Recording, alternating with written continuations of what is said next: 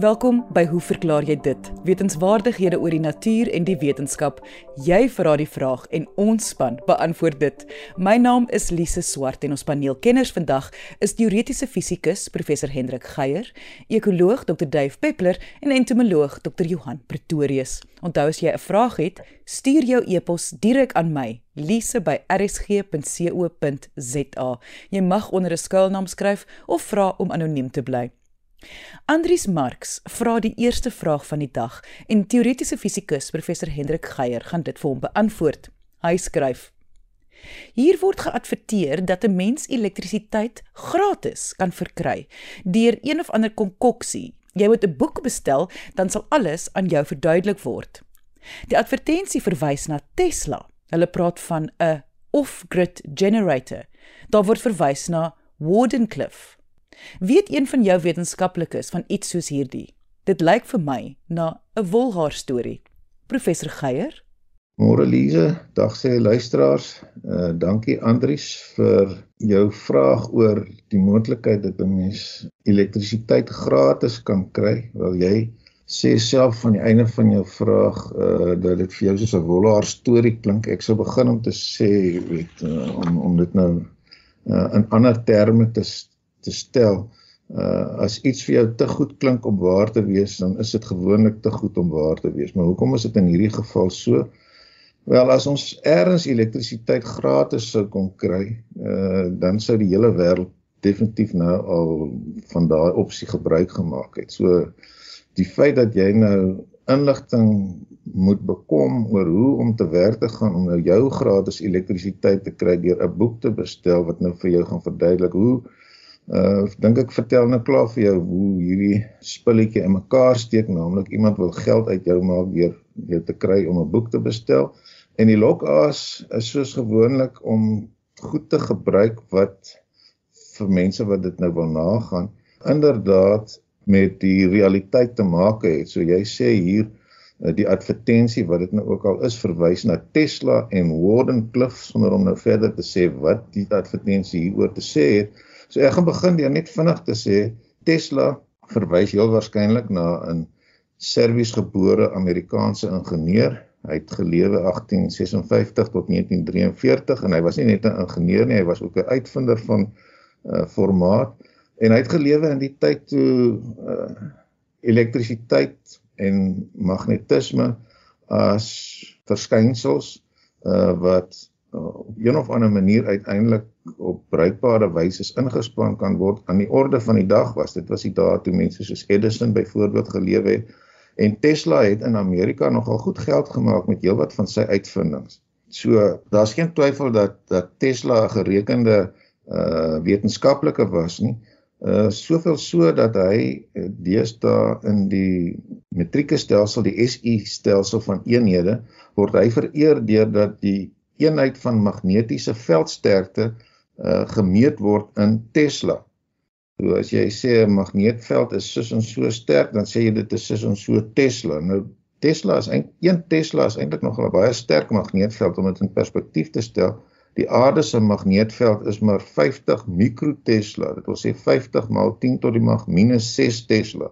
Maar hoe ook al uh, op hierdie manier is Tesla vereer. Nou waar kom die storie van Wardenclyffe in?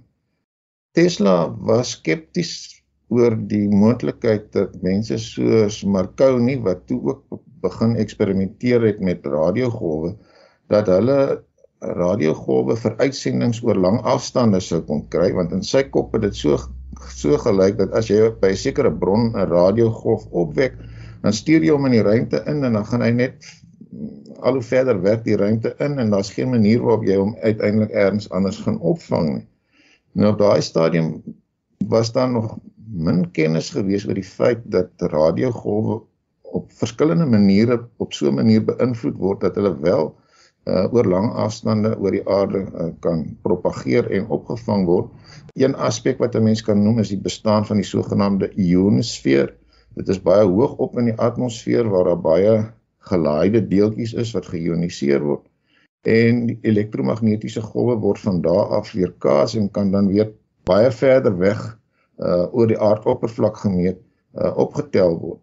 Dan is daar ook die bestaan van oppervlakkgolwe, hang nou af van die spesifieke frekwensie van die golf, maar hoe ook al by spesifieke frekwensie is daar 'n uh, geneigtheid vir radiogolwe om naby aan die grond voort te plant, uh, soos wat hulle deur verskillende obstruksies uh verstrooi word en en en en op dië manier word sogenaamde oppervlak of grondgolwe voortgeplant. In elk geval uh die inligting oor oor oor hierdie toedrag van sake was toe nog duidelik nie so gevorder soos wat ons nou vandag weet nie. En Tesla het het gereken hy gaan 'n 'n manier van kommunikasie aan die gang kry om die aarde self as 'n bron van voortplanting te gebruik. En daarvoor het hy nou hierdie sogenaamde uh Wardenclyffe toring gebou, 'n massiewe staalkonstruksie uh waarmee hy sy eksperimente wou begin. Hy het aanvanklik finansiering daarvoor gekry, maar met die tyd het hy nie eintlik veel sukses met hierdie idee van hom gehad nie.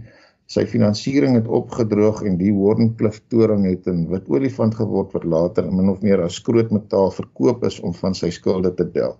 Hoe ook al Tesla en Wardenclyffe is legitieme name, gebeurtenisse in die geskiedenis van radiogolf of die vroeë uh, stadiums van ondersoeke na hoe om radiogolwe in te span vir kommunikasie. Uh, dit sê natuurlik nie dat dat daar enige sprake was dat jy op hierdie manier elektrisiteit sou genereer nie. So ek dink jy weet wat waarmee ons hierso sit is 'n tipiese situasie. Jy klit so klein bietjie geloofwaardigheid in deur te verwys na goed wat inderdaad bestaan het. Uh jy's redelik vaag oor hoe daai goed met jou aansprake te maak het en jy kry mense om geld te betaal om verder uh, ingelig te word oor wat jy nou eintlik in gedagte het en redelik voorspelbaar in hierdie geval ten minste jy gaan nie elektrisiteit gratis kry deur die boek te uh, bestel en te lees nie uh, Andries dit is inderdaad net 'n wollaar storie en dit was teoretiese fisikus professor Hendrik Geier. Zelma Stoffberg vra die volgende vraag wat entomoloog Dr Johan Pretorius gaan beantwoord Zelma skryf Ek het 'n groen boontjie in my man se groentetuin gevind 'n boontjie met seker die mooiste, perfekste en kleinste 6 rytjie eiertjies wat ek in 'n lang tyd gesien het. Ek wil graag weet, wat op aarde het hierdie eiertjies gelê? Maar die groot vraag is, hoe word daardie perfekte 6 rytjies gelê? Verseker is dit 100% perfeksie word dit sê maar van links na regs gelê en dan word dit weer van voor begin of word dit byvoorbeeld gelê van links na regs en dan van regs na links ensovoorts. Elke volgende rytjie eiertjies pas boonop perfek in die opening tussen twee eiertjies. Dus geen oop spasie word gelaat nie. amper soos 'n byekorf. Daar kan seker maklik so 20 eiertjies op die een plat kant van die voorste aansteekpuntjie van 'n vierhoutjie stokkie inpas. Ek moet sê, ek haal my hoed af vir wie dit ook al gedoen het. En hoe lank sou dit neem? Wat ook al daar sou uitbroei, gaan piep klein wees. Zelma het 'n foto ingestuur van die eiertjies op die boontjie en die foto is beskikbaar op RSG se webwerf. Gaan net na www.rsg.co.za. Dr Pretorius, wat lê sulke klein perfekte eiertjies? Selma, die eiertjies is tipies van besies in die familie Pentatomidae of soos ons al beter ken, stinkbesies. Nou wêreldwyd is al amper 5000 spesies of soorte stinkbesies bekend. Sommiges wat dan ook ernstige pla in die landbou en tuinbou is. En hierdie insekte staan ook algemeen bekend as skildstinkbesies na aanleiding van hul afgeplatte skildvormige liggaamsvorm. En soos baie luisteraars al seker ervaar het lees, het stinkbesies kliere op die laaste segment van die borstuk of thorax waardeur hul 'n stinkvloeistof afskei wat as beskerming dien teen natuurlike vyande as hulle bedreig voel. Nou vir die luisteraars, die foto wys 'n aantal eiertjies, so 84 wat ek vinnig getel het, wat soos Selma genoem het in 6 netjiese rye op 'n groen boontjie gerangskik is. En as mens die foto vergroot, sal jy sien dat die eiertjies faaitjievormig is en jy kan ook sien dat die eiertjies 'n dekselagtige struktuur aan die bokant het wat bekend staan as 'n operculum. Die operculum funksioneer dan ook soos 'n dekseltjie wat die nimfe help om uit die sterk eierdoppies te ontsnap gedurende die uitbroeiproses. Dit alles tesame met die vorm van die eiermassa en die boontjie gasheer dui daarop dat ons heel waarskynlik met stinkbesie eiers te doen het. Maar sonder 'n foto van die insek self sal dit natuurlik moeilik wees om presies te sê watter spesifieke spesies die eiers gelê het. Die meeste plantvoedende stinkbesie soorte sal hul eiers op 'n geskikte gasheer deponeer. Dit is nou lese daardie plantsoorte waarop die verskillende stinkbesies verkies om op te voed. En verskeie stinkbesies se spyskaart sluit 'n hele aantal plantspesies in. Vir beskerming teen byvoorbeeld goed soos mure wat die eiers kan wegdra, word die eiertjies teen mekaar en op die plantoppervlak vasgelyn met 'n gomagtige uitskeiding van die wyfie tydens lê van die eiers. Interessant Lize, sal die wyfies van sommige stinkbesies ook staan en wag hou oor hul eiertjies en selfs die vroeë instaar nimfe, juis om hul teen natuurlike vyande te beskerm. Gewoonlik sal stinkbesie wyfies 'n aantal sulke eiermassas deponeer. Die getal wat sal afhang van die spesies met gereelde parings tussenin.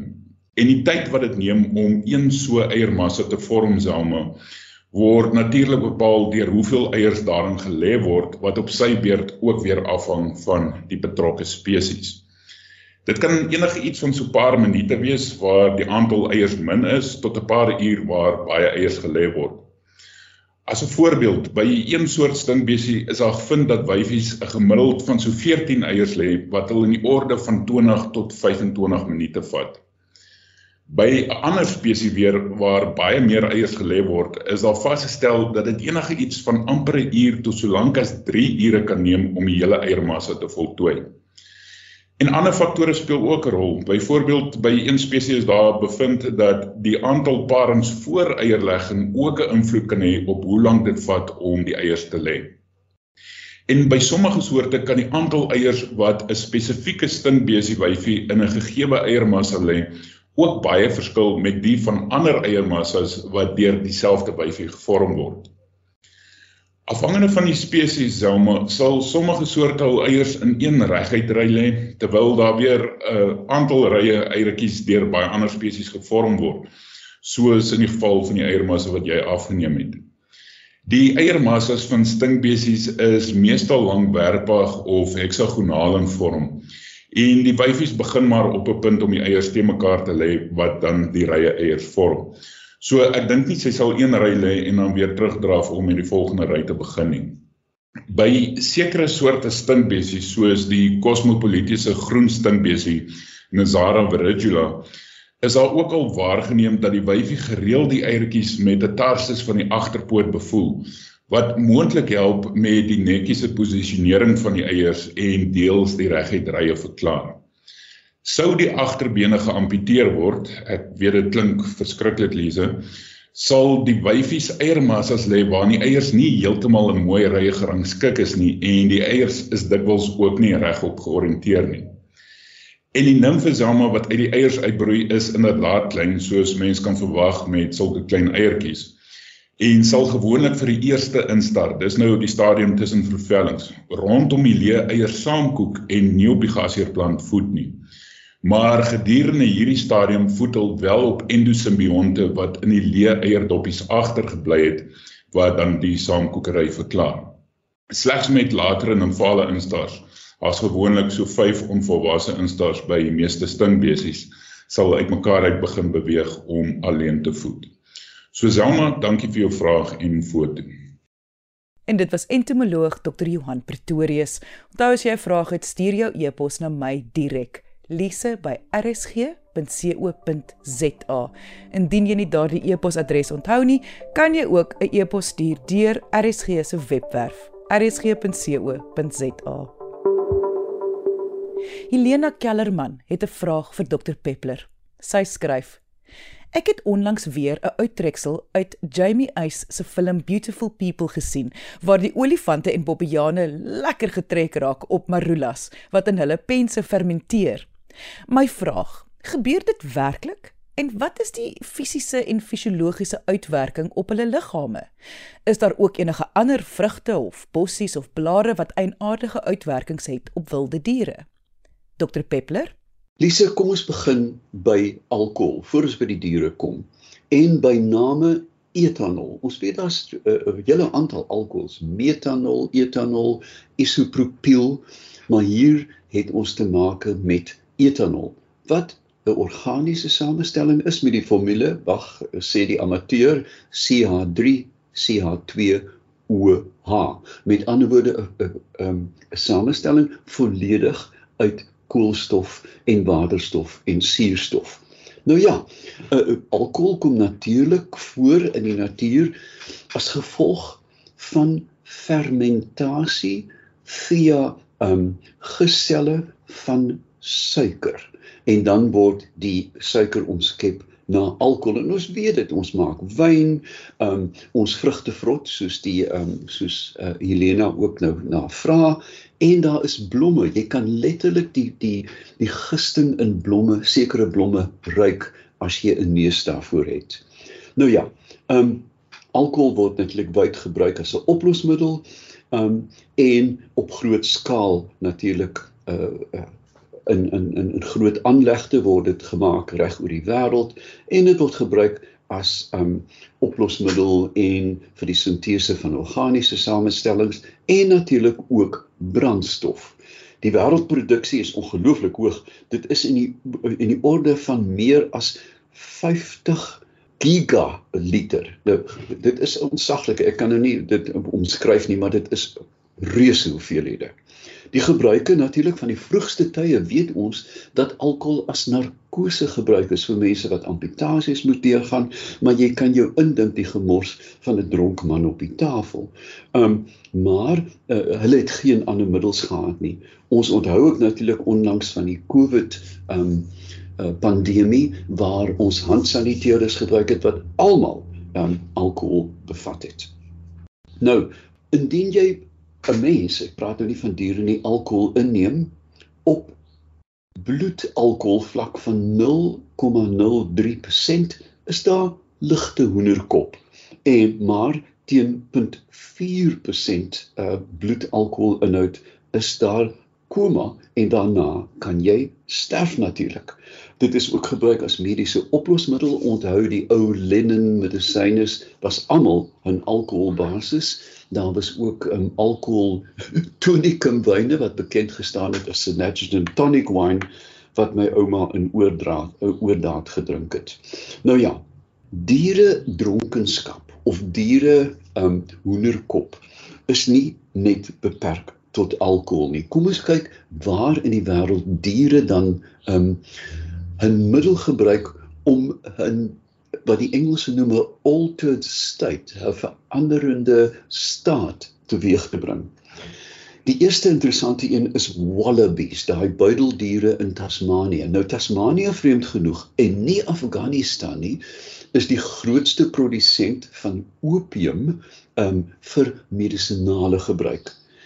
Die wallabies het agtergekom dat as jy daai knoppie eet, daai uh, blomknoppie van die opiumpoppie eet, dan uh, voel dit nogals nie sleg nie. En daar daar is beskrywings van die boere the, the wallabies as high as kites and walking in circles. Met ander woorde, daar is 'n geneigtheid by diere om middels uit te soek wat hulle anders laat voel. Nog meer vreemd is die eiland van St Kitts in die um Karibiese eilande waar omtrent 150 jaar gelede ons eie standaard blou aap ingevoer is as troeteldiere die goed het ontsnap en hulle het groot troppe gevorm. Hierdie ape hang rondom die rumfabrieke waar hulle dan die gefermenteerde suikerriet eet en bitter bitter dronk word. Um hulle is nou self so alkohol verslaaf kan 'n mens dit noem dat hulle um toeriste aanval en drankies uit die hand uitgryp. 12% van alle ape in St Kitts drink swaar en 5% van al die ape drink in oordaad. Dit so hulle is regte ou gesoute suipers. Um en wat wel interessant is en mag dit 'n waarskuwing wees vir ons as mense, ons is ook primate, is dat die jong ape geneig is om meer te drink as die oues. Die oues het hulle les geleer. Maar nou kom ons by die vraag en by olifante. Olifante het 'n duidelike voorkeur vir alkohol. Kom ons kyk na Indië. In Indië is olifante heeltemal geïntegreer met die bevolking want hulle is werkstiere, hulle dra piesangs en ry mense teen uh, monumente op ensovoorts ensovoorts. Maar hier in Indië is daar ernstige gevolge want die olifante storm af op feeste en drink die bier.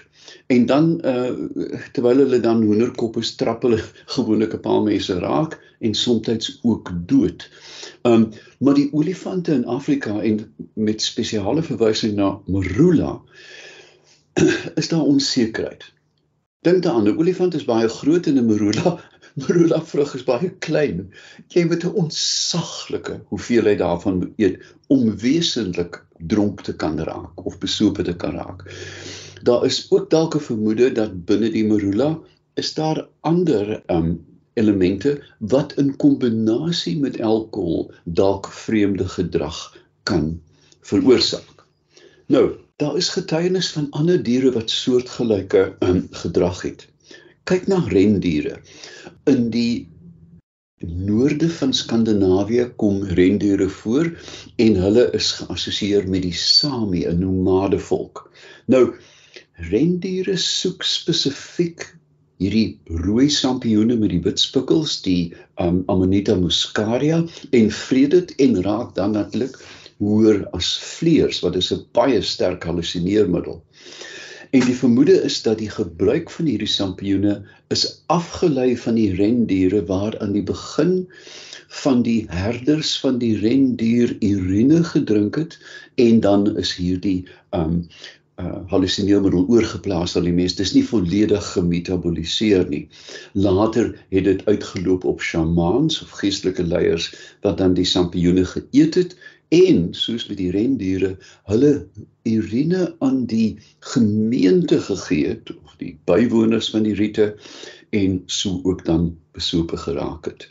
Bighorn skape in in Noord-Amerika sal tot uiterste gevaarlike hoogtes klim om by 'n korsmos, swam uit te kom wat hulle ook dan uh, wat effens narkoties is.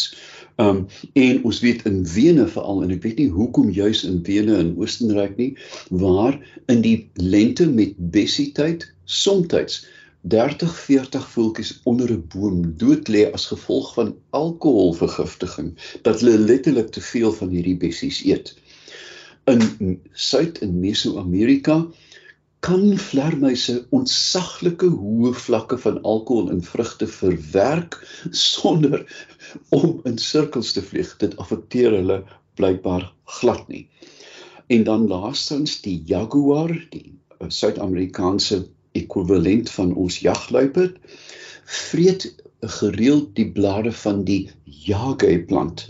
Um en die gedrag van hierdie groot katte is dan soortgelyk aan huiskatte wat aan kattekruid uh vreet. Um, ons weet mos as jy as jou kat geneig is met kattekruid en jy jy kneus 'n blaartjie dop sy oë om hy begin kwyl en hy kneus hom net waar hy staan. So dit is glad nie vreemd dat reg deur die diere ryk hulle geneig is om hierdie middels uit te soek en dit dan byna vir ontspanning want dit laat hulle duidelik lekker voel. Ons sien ook dus dat die gebruik van alkohol en ander ehm um, stimulante voorkom nie net by die mens nie, maar wêreldwyd by diere.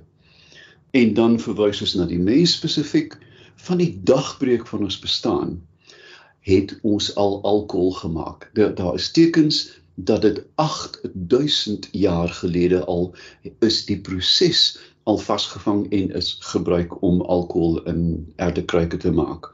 Want uiteraard ons sing al hoe lank wat maak oom Kali daar. En dit was ekoloog Dr Dave Peppler.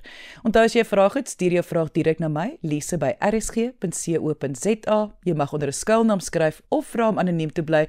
Ek sê baie dankie aan ons kenners en vraagstellers vandag. Onthou om altyd nuuskierig te bly en vra te vra. Tot volgende week hier op RSG saam met my Lise Swart. Totsiens.